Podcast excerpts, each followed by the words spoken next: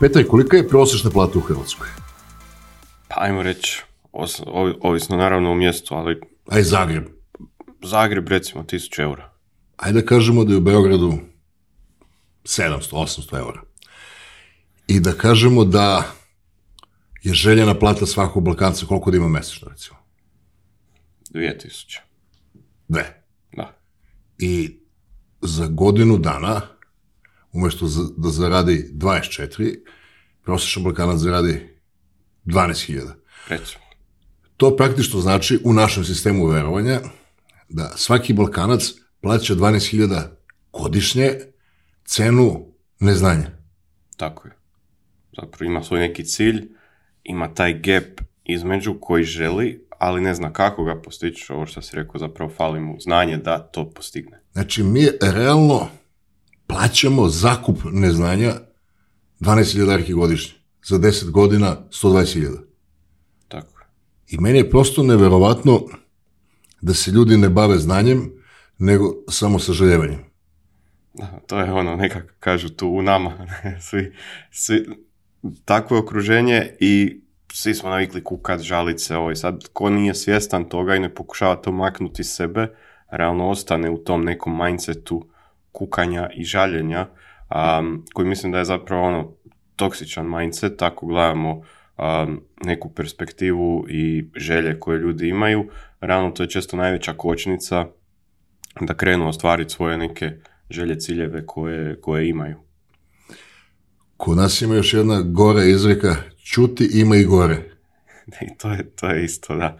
Ovoga, mislim, to su ono neke stvari koje smo navikli kroz djetinjstvo slušat, znači ono ne znam, ima i gore, dobro je kak može biti, nije dobro imati puno novca, nije, znači novac kvari ljude i slične stvari, koji jednostavno onda odrasteš s tim i mislim da je to ono nekak dio tebe postane i sad moraš raditi na tome da to nije dio tebe i da to makneš iz sebe, jer definitivno po meni nije, nije nešto poželjno što treba imati u sebi.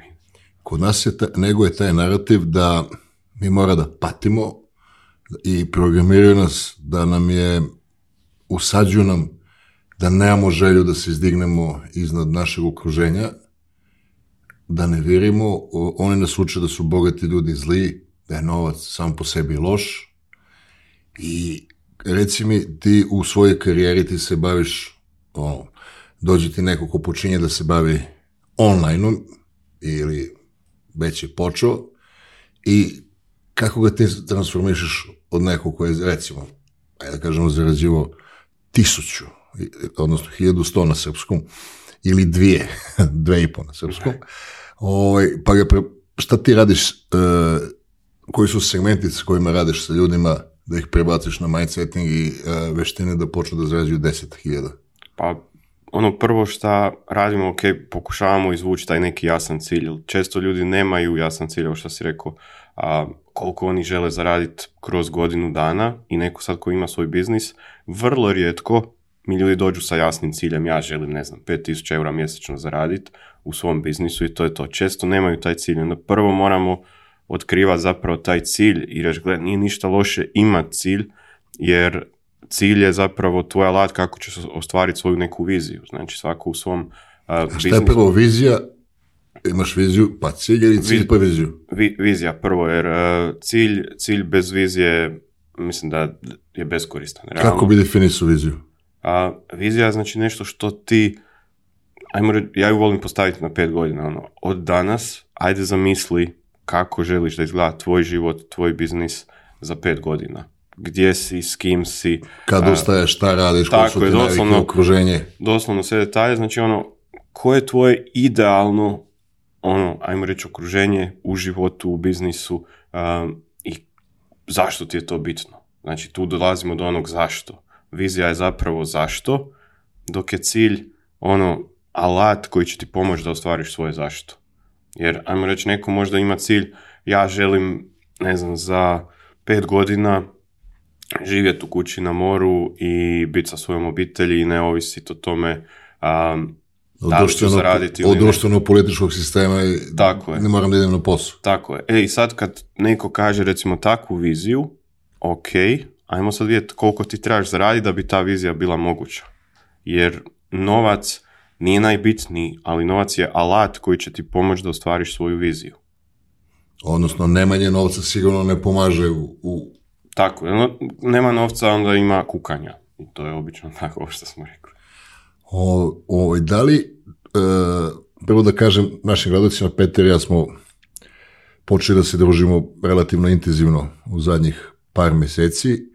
Išli smo na neke edukacije, dva puta već u Meksiko. Držali smo juče edukaciju mladim preduzetnicima tipa online. I e, ono što je meni fascinantno, juče kad smo pričali sa onim mladim ljudima koji su na početku svoje karijere, većina od njih ne može da zamisli da zarađuje duplo više. Može da zamisli 5%, 10%, 8%. I e, jednostavno, mislim da je kod nas na Balkanu onako potpuno, e, poprilično pečatiran taj mindseting da smo limitirani na kupu salatu, vinjak i malu pjeskavicu. Je, to je, to ona tvoja usporedba i je, točno, nažalost, um, tu je ovo sad što sam pričao, kad pokušamo izvući koji je cilj, onda idemo vidjeti zašto ga nemaš već. Gdje je problem u tvom biznisu, zašto ne ostvaruješ taj cilj. Znači, šta ne, šta ne štima, da li ne valja tvoja usluga, da li ne radiš marketing, da li ne radiš prodaju, da li to radiš na pogrešan način, um, da li imaš premale cijene, jer to je često problem isto. Neko ima sad cilj, kaže ok, ajde onda nek bude 10.000 eura mjesečno, imaš cijenu 50 eura, to znači da moraš napraviti svaki mjesec 200 prodaja. Šta realno nije baš mala brojka. Šest dnevno. Tako je. Tako da nije, nije malo, onda gledamo šta može biti realno, koja treba biti tvoja cijena. a ako je problem cijena, znači treba dići cijenu, onda tu dolazimo opet do otpora, ali to je preskupo, neće niko kupit, e, znači realno uvijek postoji na problem sljedeći problem i onda otkrijemo niz problema koji zapravo postoji zašto neko ne postiže e, taj cilj koji zapravo želi ili definiramo koji bi trebao imati i onda idemo rješavati te probleme korak po korak, definirati zadatke, ok, ajmo, najveći prioritet je ovo, idemo prvo to riješiti, kad riješimo to, idemo sljedeći problem riješiti i onda se to polako kroz mjesece e, pomakne i onda oni shvate, aha, pa nije ovo tak teško. Nije, ali treba krenuti raditi na nečem. Isto kao osobno, mislim, gledaš se svaki dan i ako imaš 20 kila viška i ništa ne radiš po tom pitanju, ne znaš zašto imaš, ajmo reći, dosta ljudi nije ni svjesno, to ti znaš bolje, um, da jedu totalno pogrešno i čude se kako oni ne gube kilograme. Znači, isto je stvar neznanja, 20 kg manje je stvar neznanja. Znači, nemaš 20 kg manje jer ti fali znanja kako da imaš 20 kg manje. A reci mi, e, kakav je, recimo, ono, tipičan put kada neko dođe, mislim, prvo, e, ja znam iz svog primjera kad sam počinio da se bavim online biznisom, ja nisam pojma imao da postoji koncept da imaš mentora. Znaš, mislim, mnogo je lepše te neko drži za rukicu da te vodi. Ja sam to nešto, ono, prvo sam skidao sa interneta, onda sam se navukao na knjige i počeo sam puno da čitam kako izgledaju te transformacije? Šta je najvučljivije? Mentalni sklop? Mindseting? Pa naj, naravno da sad ima ovaj dio, ako zamislimo onu santu leda, ima to što je vidljivo, taj dio. I to su često, ajmo reći, e, ti prihodi, pa drugi vide, e, nešto si počeo raditi, vidim, često oni dobe komentare od ljudi koji ih prate, e, vidim da si nešto krenuo raditi, super, to izgleda i slično, zato jer se promijenilo nešto što je vidljivo, ali to vidljivo se često mijenja zbog onog što nije vidljivo, a to je upravo ovaj mindset um, koji nesvjesno se mijenja kako radiš određene zadatke i sve realno mijenja se, e, plus nalaziš se u drugom okruženju, e, shvaćaš da nešto se mijenja, nisi ni siguran ni svjestan koliko si se zapravo promijenio, jer e, ja uvijek kažem da osobni napredak slijedi poslovni i obratno. Znači, ako ti napreduješ u poslu, to će te potaknuti da se mijenjaš osobno. Ako se ne želiš mijenjati osobno, neće ni taj napredak poslovni dugo trajati, nego ćeš se vratiti tamo gdje si bio. A kaži mi šta je u tom sazrevanju uticalo kad si otkrio taj drive za znanjem? Pošto, ako ja tebe dobro razumijem, ti trošiš silne novce na ličnu edukaciju. Koliko godišnje trošiš sada? pa tu između, ajmo reći, oko 50 tisuća eura godišnje. 50 do 60 otprilike ako se tu još klope neki manji kursevi I ili nešto, ali moja glavna mentorstva, ajmo reći, to su godišnje oko 50 tisuća eura, ako tu ne računamo, ja ne znam, odemo u Cancun, putovanja, sve drugo, ili to sve u tu svrhu, a, dođemo vjerojatno i do više, da. Čekaj, ti godišnje izvadiš iz slamerice sa računa iz novčanika 50.000 i platiš nadajući se da će to da te poboljša da može da zaradiš više.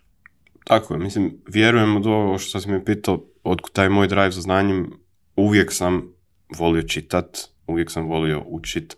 Na primjer, ne znam, kad sam bio u srednjoj školi, čak u osnovnoj još, a, kad, kad sam dobio prvi kompjuter, bio negdje šesti, sedmi razred osnovne škole, ovoga, krenuo sam istraživati stvari koje su me zanimale.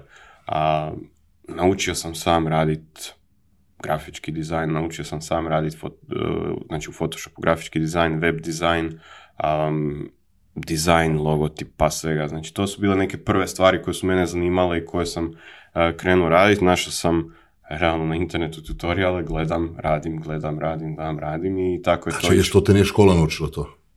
Nismo radili to u školi. Taj. Šta ste radili u, u to vrijeme u školi? čitali lektire, zbrajali ovoga. Učili kako, kako se računaju razlomci i slične stvari. Mislim, meni je škola uvijek išla, se razumijem, ja sam ovoga, nisam puno, niko mi nije vjerovao nikad, ja nisam puno učio u školi, uvijek sam imao pet. Znači ja sam osnovnu školu završio sa nula svaki razred, a nikad nisam učio. I niko mi nije vjerovao u školi da ja nisam učio. Ali si zapamtiš ono jednostavno dođem, jer ja sam to gledao na neki način kao zašto bi doma trošio vrijeme da učim, sjednem tu, slušam, dobro sam pamtio, znači sad vidim da s vremenom ta sposobnost padne, ali onda u osnovnoj školi, ja sam doslovno, ako sam bio na satu 45 minuta, sve što je bilo tu za tjedan dana ja sam mogao odgovarati i to je to. Ono, kad neku u razredu nije znao, traži se kandidat da odgovara ko će, svi gledaju mene, onda ja dižem ruku I ovoga, javljam se, ispituju ja odgovaram, dobijem pet i... Znači, ti si izgledao si kao štreber, štreber je pogleda naziv za neku ko uči. Je, je, svi su da ja doma sad cijele dane učim i ja sam zapravo radio u drugu stvar. Ok, jesam sam učio, ali ne ove stvari vezane za školu, nego ono što me zanimalo. A kako te je transformisao prvi mentorski rad? Šta se tu desilo? A, pa, Kako je bila E, situacija finansijska, kako je to tvoja porodica podnela kad si izvadio novce koje nemaš? Da, to je ono što smo i, i prošli put pričali, nije bilo bajno, znači bilo je vjerojatno jedna od ako ne najgora što se financija tiče situacija u, u životu, gdje sam shvatio, ok, ja sam, moram nešto napraviti, jer očito sam ne znam, s vremenom ako usporedimo ono prije na internetu nije bila tolika količina informacija, sad ja mislim da je zapravo i kontraproduktivno jer ih ima jako puno i ne znaš od kuda kreneš, možeš ti čitati svašta, ali realno ne znaš, plus meni znanja nije falilo. Ja sam imao jako puno znanja i to mi je zapravo bio problem. Znači, meni Selekcija znanja. Tako, meni je bio problem što puno znam, a nisam znao što točno trebam primijeniti od toga da mi, da mi pomakne od točke A do točke B. Nego sam ono, nagađa, ajmo sad ovo, pa ajmo ovo. Više sam se igrao, ajmo reći, ali iz te igre nije se rodilo ništa pametno. Dok nisam uzeo mentora koji mi onda rekao, ok, ajde napravi, dao mi je doslovno tri jednostavna koraka, ajde napravi to, to i to. Da dobiješ inerciju. Tako je. I Šta su bili koraci? Pa ništa, prvi korak je bio, dobro, definirali smo šta ćemo prodavati, onda ok, evo ti primjer kako trebaš napisati prodajni opis, napiši prodajni opis i kreni prodavat. Šta je prodajni opis? A, prodajni tekst, ajmo reći, sales. Aha. Uh, sales letter, da. I sad tu dolazi moj, ja njemu govorim, rekao da, kak sam ja znao i web dizajn i grafički dizajn i sve, i sad moja, i još sam radio u agenciji prije toga, um, dolazi moja ovoga deformacija, ok, rekao, ali, kaže on, to trebaš napraviti do sutra. I rekao, pa da, ali moram dizajn, moram složiti web, moram, ne, ne trebaš ništa od toga, samo trebaš krenut radit, trebaš krenut uh, prodavat, da. Tako ja rekao, ok, kako izvadi on meni doslovno primjer tekst, kaže ovako, Google, doslovno je bio Google dokument sa tekstom, kaže evo, to ti je landing stranica. I to je to. I stavio landing stranicu? Tako napisao sam svoj tekst, jeo sam drugi dan u kafić, napisao prema toj strukturi svoj tekst. To mi je bila prva stvar ujutro. Onda si napisao e-mail? I onda sam krenuo jednostavno kontaktirati sve one koje sam znao, znači prvo ljude koje sam znao, koji su mi vjerovali. A, reći, gledaj, ja radim nešto novo, to, to, to i to za trenere koji žele unaprijediti svoj biznis, doći do više klijenata, više prihoda a ili te zanima, zanima me, super, evo ti pročitaj čem se radi i to je to. I koliko ljudi si kontaktirao prvog dana? Jednostavno, ono, sjeo sam i samo radio, ne znam sad brojku, ali puno. 50 do 100 sigurno. I dobro, i koliko procentalno pozitivno reagovalo? Na kraju sam imao, znači, sve skupa 20 ljudi u prvoj grupi. Mog, znači, prvog mentorskog programa. Ok, i koja je cena bila prvog mentorskog programa? 500 eura. Znači, 20 to je 10 tisuća. Tako. Oho. A koliko si platio mentora? 25. 25. Da. I ti si praktično isplatio prvo tromesjeće... Tako. Napeto bilo. Je. E, zato jer to je ono koja se nađeš na, na rubu litice i sad se klackaš na koju ćeš stranu. Znači, ono, ili ćeš ostati gore, ili ćeš se strovali dolje i onda nema spasa. A kako su, kako su transformaciju doživjeli tih prvih 20 klijenata? Super. Znači, stvarno napravili smo super rezultate. Ja sam tu stvarno dao sve ono najbolje od sebe što sam ja radio u, u to vrijeme u, u na koji način sam ja punio džim. E, u pravilu, glavno ime programa je bilo 100 klijenata u 100 dana, jer ja sam... Odlično tri puta uspio u tome, kad sam vodio naš gym um, i to je bilo jednostavno meni ponormalno ok, kak ne možeš sad doći do klijenata, možeš. Šta je zapravo smiješno jer uvijek sam znao pomoć drugima, ali ne sebi. Znači ja mogu tebi dovesti klijente, mogu ovom, svi su me tražili, radi meni marketing, daj napravi ovo. Na kraju gledam sebe, ali šta ja radim za sebe? Nešto tu ne funkcionira. Mhm. Zato jer ono, dolaziš do saznanja šta danas tvrdim isto i zašto imam i dalje mentora i sve da si najgluplji za svoj biznis. Znači, kad si u, u, u, u boci, ti ne možda vidiš šta piše na, na etiketi, tako kad u flaši. Tako je, tako je. Su izvana vide, ti iznutra ne znaš ništa. Odnosno, riba samo vodu ne vidi. Tako je, i, i fali taj objektivan drugi problem je zašto smo zapravo glupi u svom poslu. Ja ne vrijeđam nikog nego sam za sebe to kažem i smatram da je tako i to iz razloga jer nemamo objektivan pogled i ne donosimo odluke objektivno nego često subjektivno i pod emocijama. I to s vremenom treba naučiti razgraničiti, gledati objektivno na svoje poslanje i donositi neke stvari bez emocija. Često se ljudi vole igrati u poslanju i vole raditi ono što im je zabavno, ali isto tako često to što je zabavno ne donosi rezultat koji bi htjeli. Jer realno stvari koje donose rezultat nisu zabavne. Veoma često. Da. Praktično dešava se da ljudi koji su u nekom, uh, kako se kaže, nije buket, nego onaj mali biznis, nije buket, butik biznis. Butik.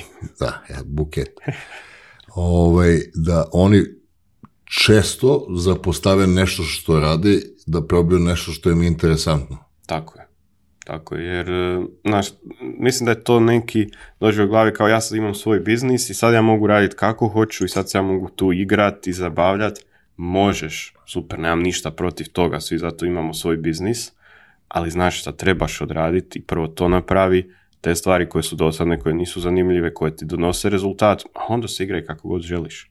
Da. kad napraviš rezultat koji u školi, znaš ono, svi čekaju, uh, bar je tako me bilo, mi dečki uvijek smo čekali sad tjelesnog idemo igrat nogomet i to ti je ono nagrada ili nakon škole, završi škola idemo igrat nogomet, super, ali prvo moramo odraditi ono što treba, ne idemo prvo na nogomet.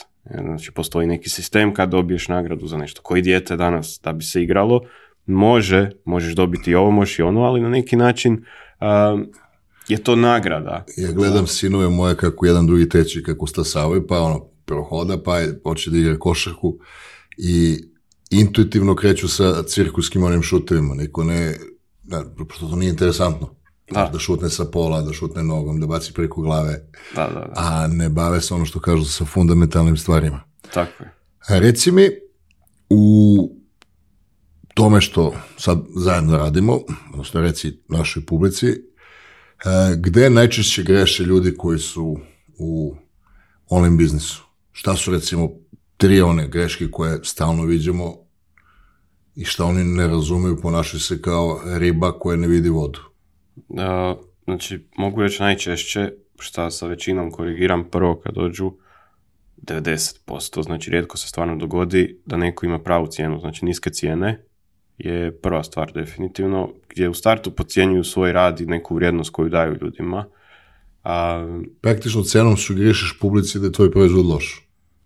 Da. Nažalost. Da, tako je, s tim da nisi toga svjestan, nego radiš to kao iz dobre namjere, pa više ljudi će kupiti. Realno neće, i ako dobivaš samo klijente koji kupuju na temelju cijene, obično to nisu baš neki idealni klijenti s kojima želiš raditi, ako si ekspert u svom području i stvarno imaš dobro znanje i znaš da možeš nekom transformirati život ili poslovanje realno tvoja usluga vrijedi puno više obično od onog što trenutno naplaćuješ. Reci mi ko je najveći skok u ceni ostvario neko od tvojih klijenata i da nije izgubio publiku? Definitivno sa 20 eura na 700 eura.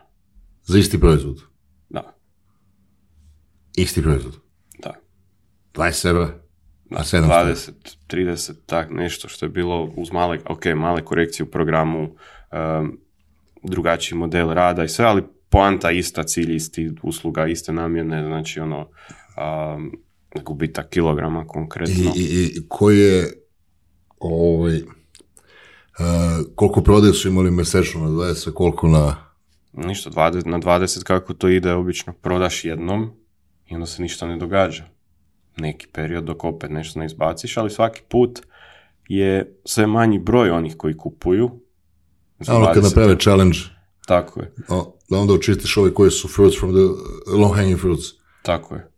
Tako je. I onda, što, mislim, realno manji prihod, nego naravno teško je tu bilo povjerova, znaš koji je to switch sa 20 na, na 700, nije došlo odmah naravno, prvo je bilo mislim 500 pa 600 pa 700, a, i strah je bio da li će uvijek biti ljudi koji će to kupovati. I uvijek ima.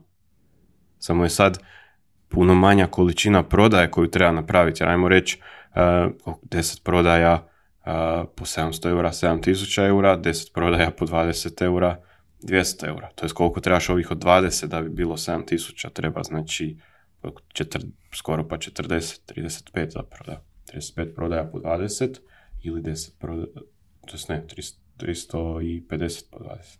A reci mi kakav je otpor ljudi koji bi volili lakše da imaju koji bi više volili da imaju manje cene, da budu pristupačni, da može, se više ljudi, da može više ljudi da priušte njihov proizvod? Pa, u biti ono što sam ja shvatio, brzo se taj sklop mijenja kad uspiju napraviti prvu prodaju po drugoj cijeni. Jedno shvate, ok. Znači, ali problem je to prvi put izgovoriti problem je prvi put promijeniti um, u sebi tu percepciju vrijednosti i onda ja često radim s njima na tome da prvo oni shvate koliko tvoj program stvarno vrijedi. Jer pričali smo jučer o tom primjeru, na primjer, ako je to stvar zdravlja, a, znači tvoje zdravlje nije samo tvoja briga, postoji puno više stvari e, zašto je to bitno i kako utječe na tvoj život, život tvoje obitelji i slično. Da, ne možeš sebi da dozvoliš da šuljeraš, pa da te voze deca u kolicima zato što si ti bio neodgovoran. Da ubaciš problem u život celo svoje porodice zato što si ti u fazonu, pa nije bitno. Tako i sad, ako ti imaš uslugu koja nekom mijenja zdravlje, njegov život, kvalitetu života, njegovog okruženja i na kraju krajeva garantirati bolju budućnost, zdraviju budućnost, pa koliko to vrijedi? Više od 20 eura. 100%. Ili s druge strane, E, u biznisu. Evo, ja imam primjera klijenata koji su, ne znam, doslovno meni dali e, zadnje novce, nisu imali ništa, bili u situaciji kao ja, sad imaju biznis koji im donosi, ne znam, 50-100 tisuća e, eura godišnje. Znači, koliko ti to vrijedi? Jer sad da ja prodajem uslugu za 50 eura, to ne bi imalo smisla. Oni bi zvratili tih 50 eura brzo natrag i nakon toga niko ništa ne bi radio. I ne bi nastavili da se boje. Tako, jer s druge strane, znači taj kod visoke cijene stvar, onaj koji plati da će više pažnje tome. Ja često to usporedim s tim, kupiš majicu za 5 eura ili za 50 eura. U od 5 eura ideš i na trening i spavaš i boli te briga. Kupiš ovo od 50 eura, u njoj vjerojatno ne ideš na trening, ne spavaš i slično. Znači postoje neke stvari da kad nešto platiš više, ajmo reći više paziš na to. Dok smo živjeli u Majamiju, ovaj, da sam kupio da mi neko dano Eh, Ed Hardy majicu, ono stoji nešto dolara košta, ono s onim tigrom nekim, a supruga, ali da smo beše kupili, možda je od naše drugarice dobila koja je promenila konstituciju pred mala, Coco Chanel, neku crno-belu, ovu, baš ono, skupu, recimo, skoro hiljadarka. I mi smo živjeli 4-5 godina tamo i pošto ja radim noću, jesam, mislim da svaki put kad izađemo, E, podesil se slikom i na slike ono Miami Nightlife, pošto je taj mađar koji je to radi za taj sajt, morate ga danas slika. I sad gledam kolekciju slika, jebote na svim slikama iz meseca u mesec Jovane ja isto obučeni. Ja, ono, ja tigar, ona zebra, ono crno bela, ja tigar, ona zebra, ja tigar, ona zebra. I ona rasplaka se žena, ja uzem akazi i sečem i moju majicu i njenu haljinu jebote, daj da obučemo nešto drugo, puni armari, idemo kak, kao uniformisana lica. Znači, na pet različitih eventa mi smo identično obučeni, jer šta? Nosimo majicu od 100 i nešto dolara i haljinu od 780 dolara. I bukvalno se mi sve komakazam i bukvalno je plakala žena. Nije mi bilo lako. Jer jednostavno kad utvorim taj armar, moram znam, najskuplju stvar ne mogu nosim ove što sam kupio u Gepu za 10 tako da to ovaj, e, taj sindrom je došao glave toj majci i toj haljini. A ti veoma često pričaš o svom, uh, svojoj interpretaciji tog mehanizma privlačenja uh, klijenata, komunikaciji i prodaje, ono, PKP. Tako Ajde onako, recimo 7-8 minuta E, da nam objasniš, jer da pretpostavimo da nas gledaju ljudi koji imaju ili počinju onaj biznis ili grade svoje pristo na društvenim mrežama i nemaju svest da treba da finansiraju svoje obrazovanje, pa sad da dobijemo freebie od mhm. tebe, onako, e, nesebično, da častimo publiku. Da pa ovoga, mislim ima toga i u mom sadržaju, to je ovo što si pitao koje su najčešće greške, rekao sam prva cijena, druga i treća realno ovo, a to je redovan sadržaj, kontinuitet znači u svom marketingu i treća stvar prodaja, većina ljudi bježi od te prodaje i ne razumije zapravo, shvatio sam ono da ne razumiju pravu poantu i svrhu prodaje, nego imaju često krivi isto usađeni dojam o prodaji. Dakle, ono što ja kažem svima jednostavno tri koraka koja obuhvaćaju onda i marketing i prodaju, to je pažnja, komunikacija, prodaja. A, tvoj sadržaj na društvenim mrežama, je pažnja, to jest privlači pažnju. Njegova je svrha da privuče pažnju tvojih idealnih klijenata. Prije toga moraš znati ko je tvoj idealan klijent, to jest kakav problem tvoja osoba ima, kakav ćeš sadržaj radi da ta osoba prepozna da ti imaš rješenje za nju ili da shvati da ima problem, jer često ljudi nisu ni svjesni da imaju problem, i sad njoj to postane zanimljivo, vidi tvoj profil i krene pratiti tvoj profil, bilo na Facebooku, Instagramu, nebitno, um, i kako gleda, gleda tvoj sadržaj, vjerojatno u nekom trenutku dođe i do komunikacije, da ti se javlja znači, zanimaju. Znači pažnja, privlačenje pažnje, PKP, komunikacija, šta je bitno u toj komunikaciji? Komunikacija je stvar zapravo da mi vidimo šta točno ta osoba želi, znači koji su njeni ciljevi, koje probleme ima, zašto nije već ostvarila te ciljeve i kako mi možemo pomoć. I na kraju isto tako ta kvalifikacija samog tog klijenta koji se javi, da li je on uopće idealan, idealna osoba za to što mi radimo.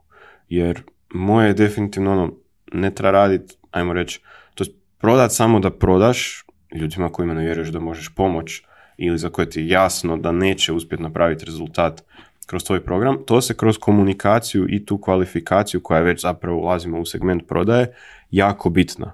Jer mislim, sama prodaja kreće već u sadržaju gdje kvalificiraš i diskvalificiraš ljude i kroz svoj sadržaj. Znači, kroz sadržaj nateraš ljude da dignu ruku one koji imaju tako Je, tako je. To zove stručno buying persona.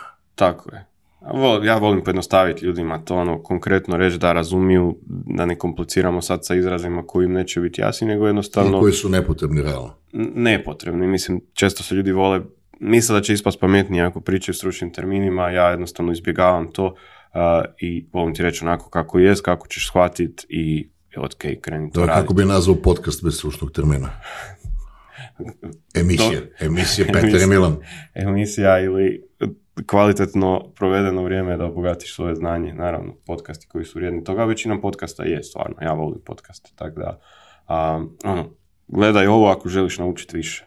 I to je to. Gledaj ovo ako želiš naučiti više. uh, znači, svojim sadržajem na društvenim mrežama, znači ja malo kao shutter like, ti ljude koji niti možda znaju da imaju problem, niti znaju da ti postojiš, nateraš da njihove očne jabučnice se okrenu ka tvom profilu, onda sljedeći korak je da oni iz onog primetio sam e, pređu u stanje aha, ovo je pametno, oni počnu da mozgom da, da razumiju, eventualno da se komunicira, da se gradi neka relacija, znači oči, mozak, i u fazi kada ti ljudi koji dolaze na profil počnu da komuniciraju s tobom, vide da si korektan i da si kulik, oni te zavole. Znači, znači oči, mozak, srce i kada izgradiš tu komunikaciju sa njima, kada oni kažu ti si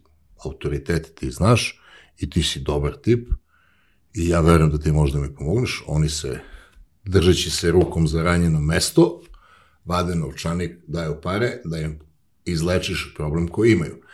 Ja sam uočio u mom biznisu jedan, e, jednu situaciju koju ranije nisam dovoljno dobro razumeo. Naime, ja odgovaram na sve poruke, ali ne mogu da stignem odgovorim na komentari. Jedno vreme sam onako relativno olako prolazio preko komentara. Onda mi sine jednog dana da ljudi koji e, prate moj sadržaj, koji vidi, koji razumeju, žele da se zbliže sam. Znači, u figurativnom smislu da su pružili ruku. Znači, pošto ne vidimo se uživo, mi smo online. I onda sam ukapirao da zapravo iz perspektive ljudi koji me prate na društvenim mrežama, potpuno je svejedno da li se on obratio meni porukom i komentarom. A ja iz, ne znam, ono, odgovaram samo na poruke, ne znam zašto, i ukapiram da ljudi koji komentarišu da je ostalo da im visi ruka u, u vazduhu. Znaš, oni neprijatelj osjećaj kad pođeš da se s nekim, on se recimo okreni i ostaneš ono kao. E, i onda ukapiram da je to nekorektno s moje strane i ubacim par ekstra sati u komunikaciju sa ljudima na, na mom profilu, imaju puf, poveća bi se broj ljudi koji hoće da kupe trening. Znači, ništa nisam, nisam promenio način na koji objavljam sadržaj, ali jednostavno ljudi su počeli da, da vide da, da nisam više Tako. arogantan prema njihovim komentarima i baš omekšaju i kao ono, e, ajde da mi pomogneš i to meni nije bilo jasno ranije, tako da evo to smo podeli sa njima, jer generalno na društvenim mrežama, svi mi koji se bavimo online biznisom, koliko ima ljudi koji su na internetu, znači ima 15.000 na našem govornom području, odbacimo ove koji nemaju naučenike, to su deca. 15 miliona. Da, od, pa, od 15 miliona odbacimo 6-7 miliona, odbacimo ove koji su ekstremno stari, koji nisu, znači ostaje 5-7 miliona ljudi koji su potencijalno i tvoji i moji kupci. I ja to volim da kažem da mi konkurišemo za prostor od 3 metra ili 5 metara. Jer svako od nas dnevno školuje ne znam, verovatno postoji neka metrika, ako provedemo toliko sati, pa ne znam, dnevno toliko je ovih skrolovanja. Znači, mi kontro, e, svi mi iz online biznisa e, konkurišemo za tih, recimo, par metara koliko skroju, puta 7 miliona ljudi to, to ti je dobra, dobra ovoga konstatacija i usporedba i još da se vratim na ovo što se komunikacije tiče, često volim ljudima objasniti, ono, ajmo probat gledat online svijet kao svijet uživo.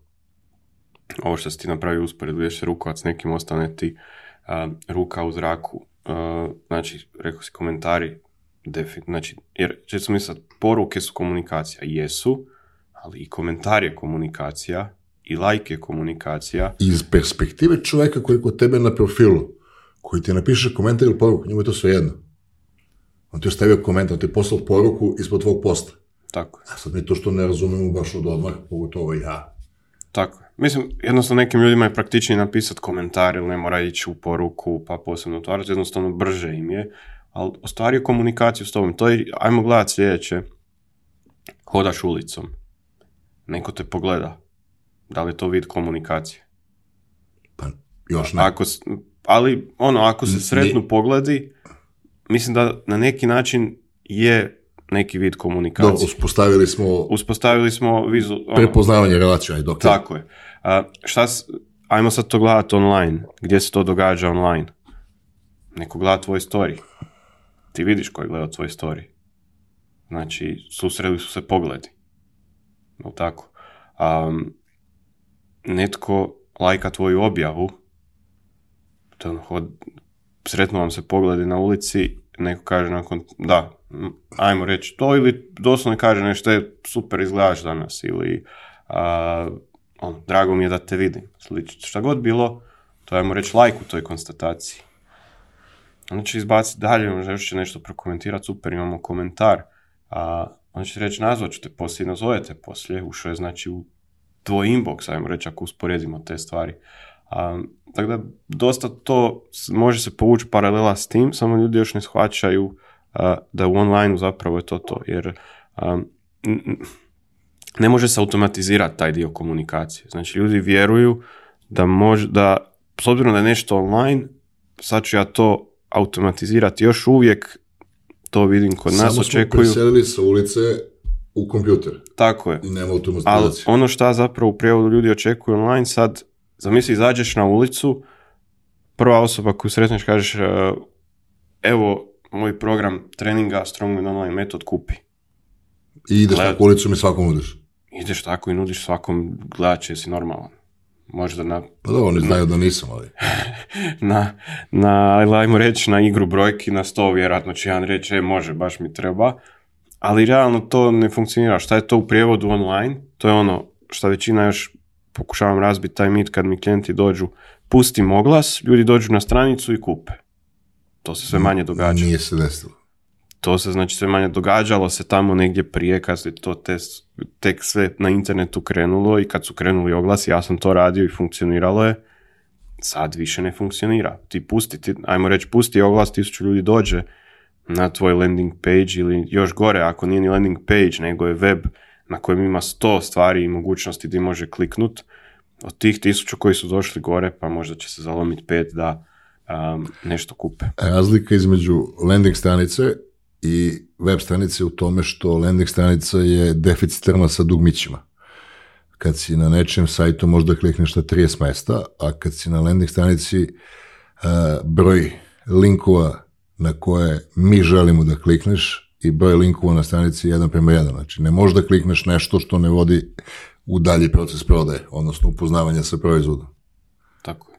Da, I mislim, kod nas je to još, ajmo reći, nije se toliko raširilo, ali ako gledamo neki dan sam baš imao zanimljivo pitanje koliko zapravo zaostajemo za nekim marketingom, recimo u SAD-u, to u, na američkom tržištu, smo tamo landing stranice su sad jedino što postoji praktički, ali to već ide, pomiče se negdje dalje, dok kod nas većina tek otkriva web.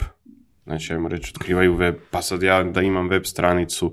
To je neka često prva zabluda. Ljudi, recimo, kreću online biznis i prva stvar koju trebam je web.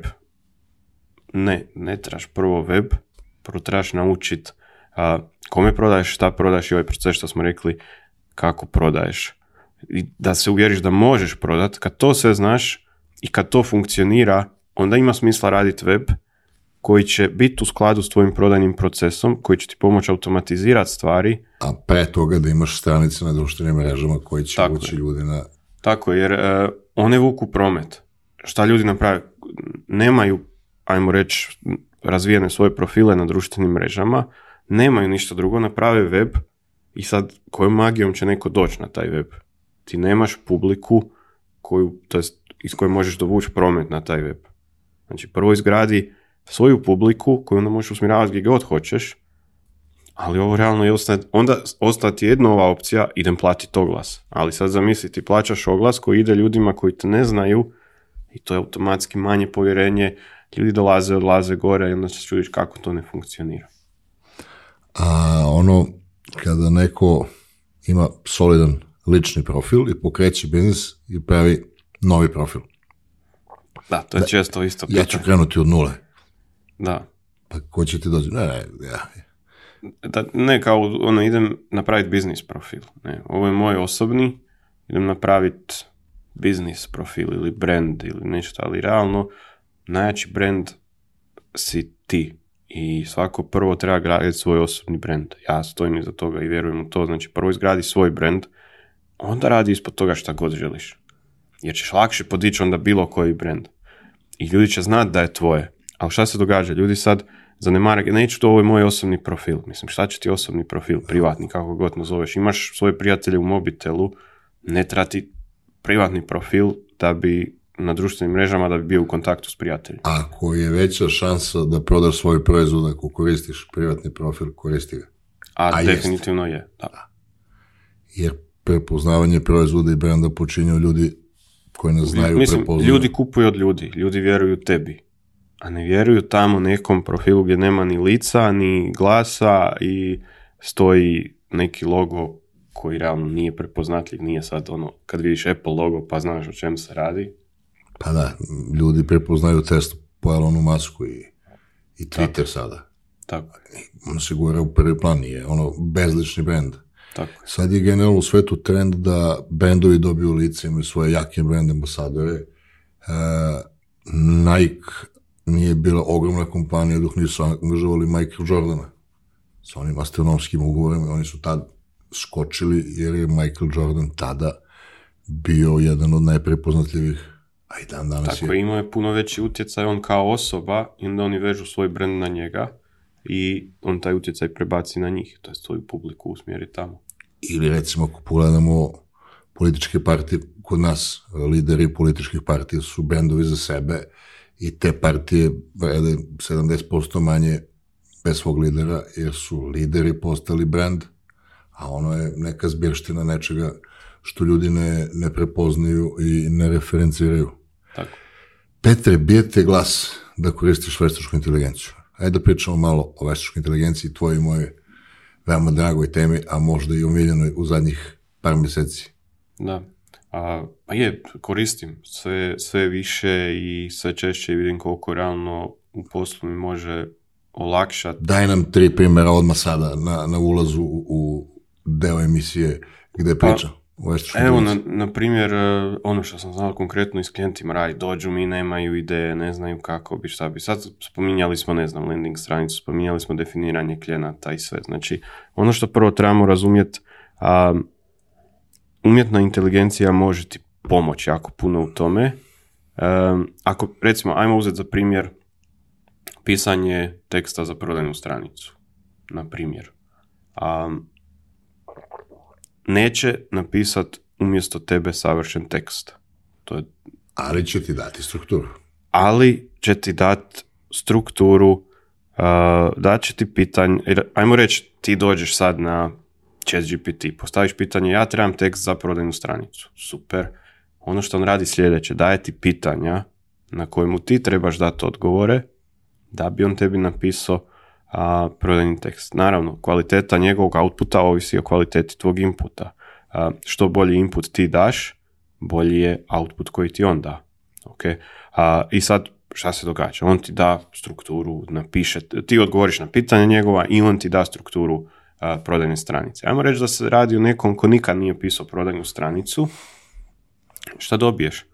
Dobiješ strukturu, ono što je meni mentor moj dao što smo pričali u startu, evo ti primjer, struktura, evo ti sad tu primjer struktura, napiši prema tome. Znači, praktično u manjim segmentima poslovanja e, chat GPT može da te vodi kao mentor kroz proces. Tako je. Mislim, s druge strane, ono što je jako, jako dobra stvar po meni, svi mi, mislim, jesi ikad imao kreativnu blokadu?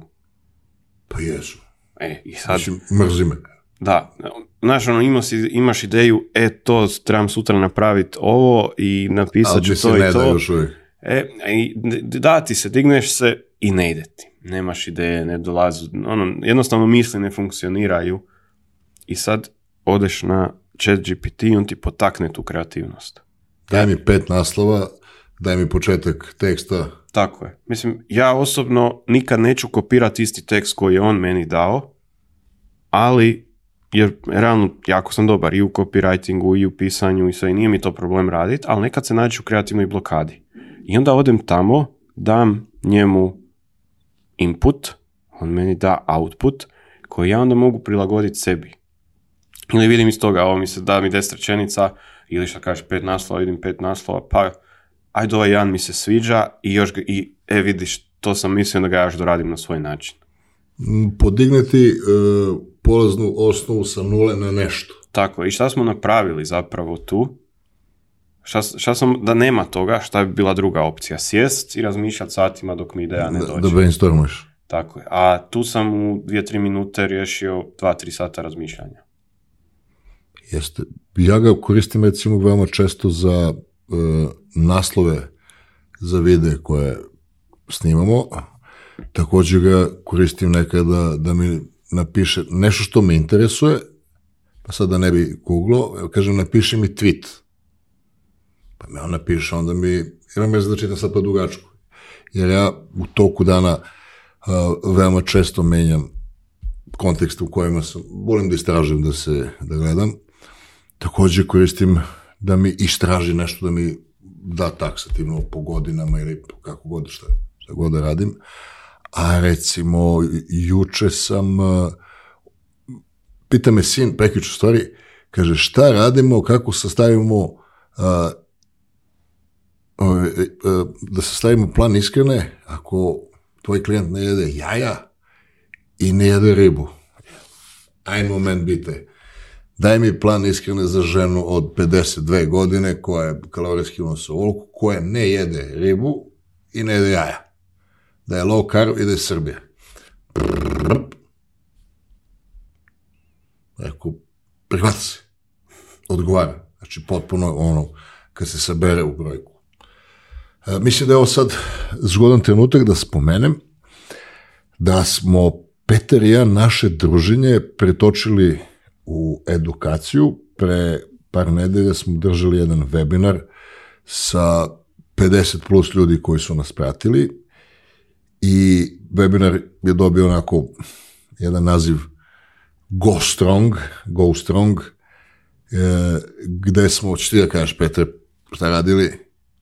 Pa u biti, tema webinara glavna bila je zapravo kako povećati publiku i kako konvertirati publiku.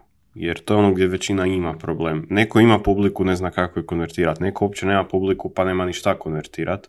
I tu nastaju problemi. Tako da to su dvije neke osnovne stvari za svakog ko ima online biznis i želi neki napredak, znači ono, tu smo objašnjavali doslovno, tvoj dio je bio ono, ok, kako privući tu pažnju, ako se vratimo u ovaj sistem pažnja, komunikacija, prodaja, znači imamo pažnju, kako privući pažnju, povećati publiku, drugi korak kako napraviti tu komunikaciju i sve da bi konvertirali tu publiku u svoje klijente.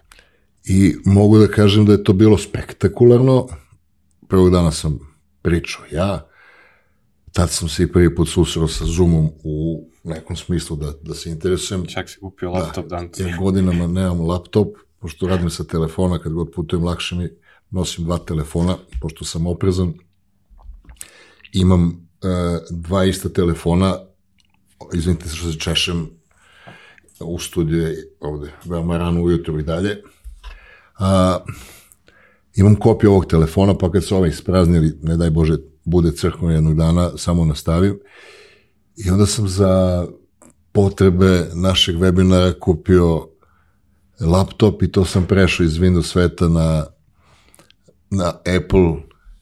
Ono, baš, baš se nisam snalazio, ali je jedno pozitivno iskustvo i dosta ljudi nam se javilo.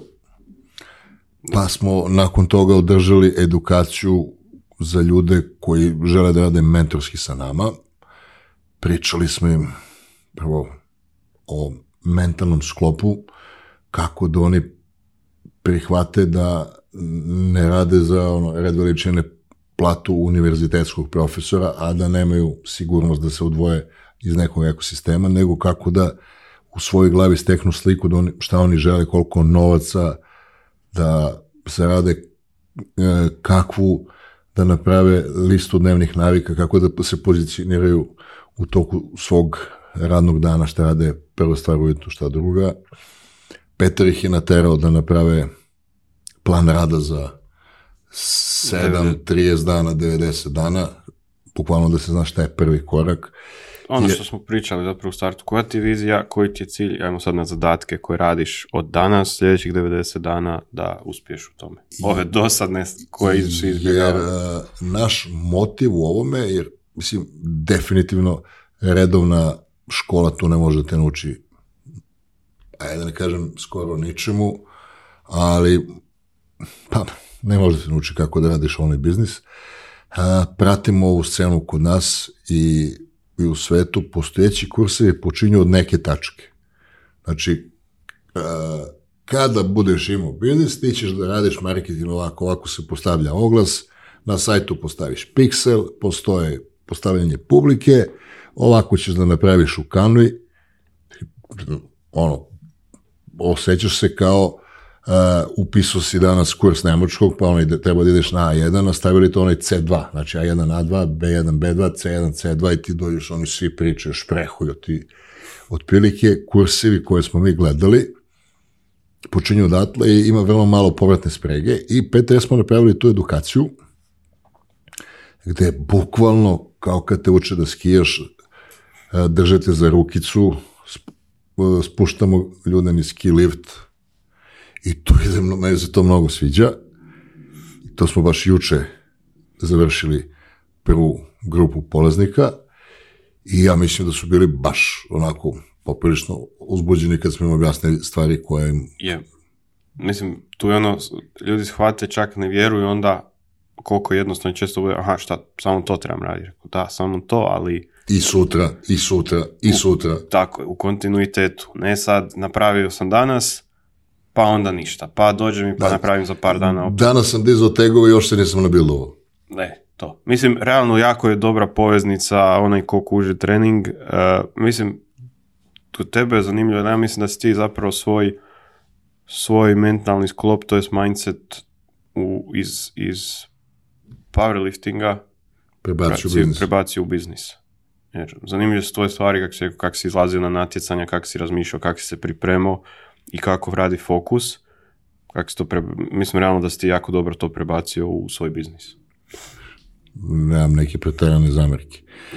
Tako da je sada pravi trenutak da najavimo u junu mesecu ćemo ovdje prisutni meni veoma dragi Petar Jurin i ja da napravimo jedan webinar gde ćemo da play by objasnimo šta je veštačka inteligencija, jedno kratak deo, šta sve postoji od e, alata i da krenemo sa najprijemčivim, najlakšim za upotrebu, e, nešto što će odmah da da rezultat u vašem onom biznisu ili možda uličnom obrazovanju, da napravimo webinar gdje ćemo da vas naučimo kako da koristite ovo novo čudo, chat GPT, koja ima sposobnost jednog visoko inteligentnog asistenta da ti pomaže u svemu. Pratite naše objave. Znači, druga polovina juna očekujte jedan webinar na Zoomu Petar Jurina, Milan Stromin. Ja, jer mi smo to toliko pričali i kad god okrenemo da pričamo sa nekim ko nije u našem svetu, dobijemo onaj prilično tupov pogled na ljudi, koja je to aplikacija, kako se to radi.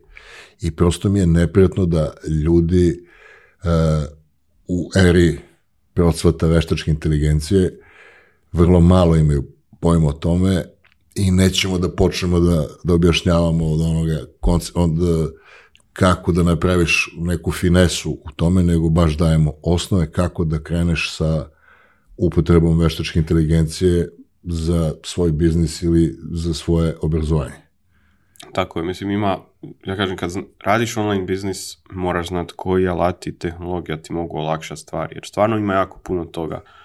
Uh, može ti ubrzati vrijeme da nešto napraviš, može ti pomoć automatizirati stvari, može ti pomoć stvoriti sustave, a, ne samo umjetna inteligencija, čak i prije nje, realno ima jako puno alata za koje ljudi još uvijek ne znaju da ti mogu olakšati ne samo čak i online poslovanje, nego poslovanje koje radiš i uživo, a realno može ti olakšati puno toga. Ja sam uvijek gledao, um, mislim, meni je bilo uvijek zanimljivo istraživati, imam neki problem i prvo je da idem tražiti, mora biti rješenje za to. Da je mora... neko rješavao pre mene. Tako je, tako je. Nisam sigurno prvi koji je naišao na taj problem i vrlo vjerojatno postoji rješenje za to. I tak sam često došao do svih mogućih alata, aplikacija, platformi koje koristim. Proveo bi možda sat ili dva tri, nekad i dva dana da nađem ono što mi treba na internetu, ali kad nađem, riješio sam problem za uvijek. I neću više trošiti vrijeme, znači realno uštedio sam vrijeme. Pošto sam obećao, jer smo umrli od jučerašnjeg dana, da neću da te držim duže od sat vremena, imam još par minuta, da napravimo presjek stanja u okruženju koje je danas e, za ljude koji se bave e, ovim online poslom, da proverimo par osnovnih stvari. Škola, ono, postdiplomske studije, kursevi, mentorstvo, veštačka inteligencija, kako bi prioriterizovao priori, prior, to, redosled. Šta bi bio najveći prioritet? Da li bi sad, recimo, nekom preporučio ko će da se bavi online biznisom, da na nekoj srednjoj školi upiše, ne znam, još jednom da završi neku godinu ili... A mislim, po meni nek samo krene raditi nešto online za početak. Ljudi često čekaju kad ja budem spreman za to. Znači ja sam uvijek za to, aj poduzmi akciju, pogriješi, neće biti savršeno i sve, ali poduzmi akciju. Ako razmišljaš da imaš danas sutra online biznis, otvori profil na društvenoj mreži, kreni raditi sadržaj. Mislim, ovo što smo danas ispričali, realno ti je dovoljno da shvatiš šta trebaš krenuti raditi. I kreni raditi to. Nemoj sad čekat, mislim, ako neko gleda ovo i razmišlja o tome, i sad kaže, čuo sam super informacije, ali kreni ih odmah koristiti. Da, niko nije naučio da vozi biciklu gledajući Tako je. U, u biciklu i u nizbrdicu. Tako je, tako da po meni je to uvijek prioritet, kreni, pokušaj, znači, mislim, šta je najgore što se može dogoditi ako ne uspije ili ako nešto krivo napraviš? Ništa. Ostaćeš se s tim profitom, odnosno na nuli. Tako, tako. Petre, hvala ti. Hvala tebi, Milane. Dužit ćemo se još ako ne pratite Milan Stroman TV, zapratite. Ako ne pratite Petra Jurinu, zapratite i njega. U nastavku, petra ćemo vas e, obradovati sa par edukativnih webinara i planiramo da pokrenemo akademiju za ljude koji se bave online biznisom. Akademija će biti online, kako drugačije. Učit ćemo korak po korak kako da svoje poslovanje preselite na internet ili kako da svoje online poslovanje unapredite bez metafora, bez očekivanja da vi sve znate, mi ćemo samo nešto malo dati. Do slušanja i gledanja.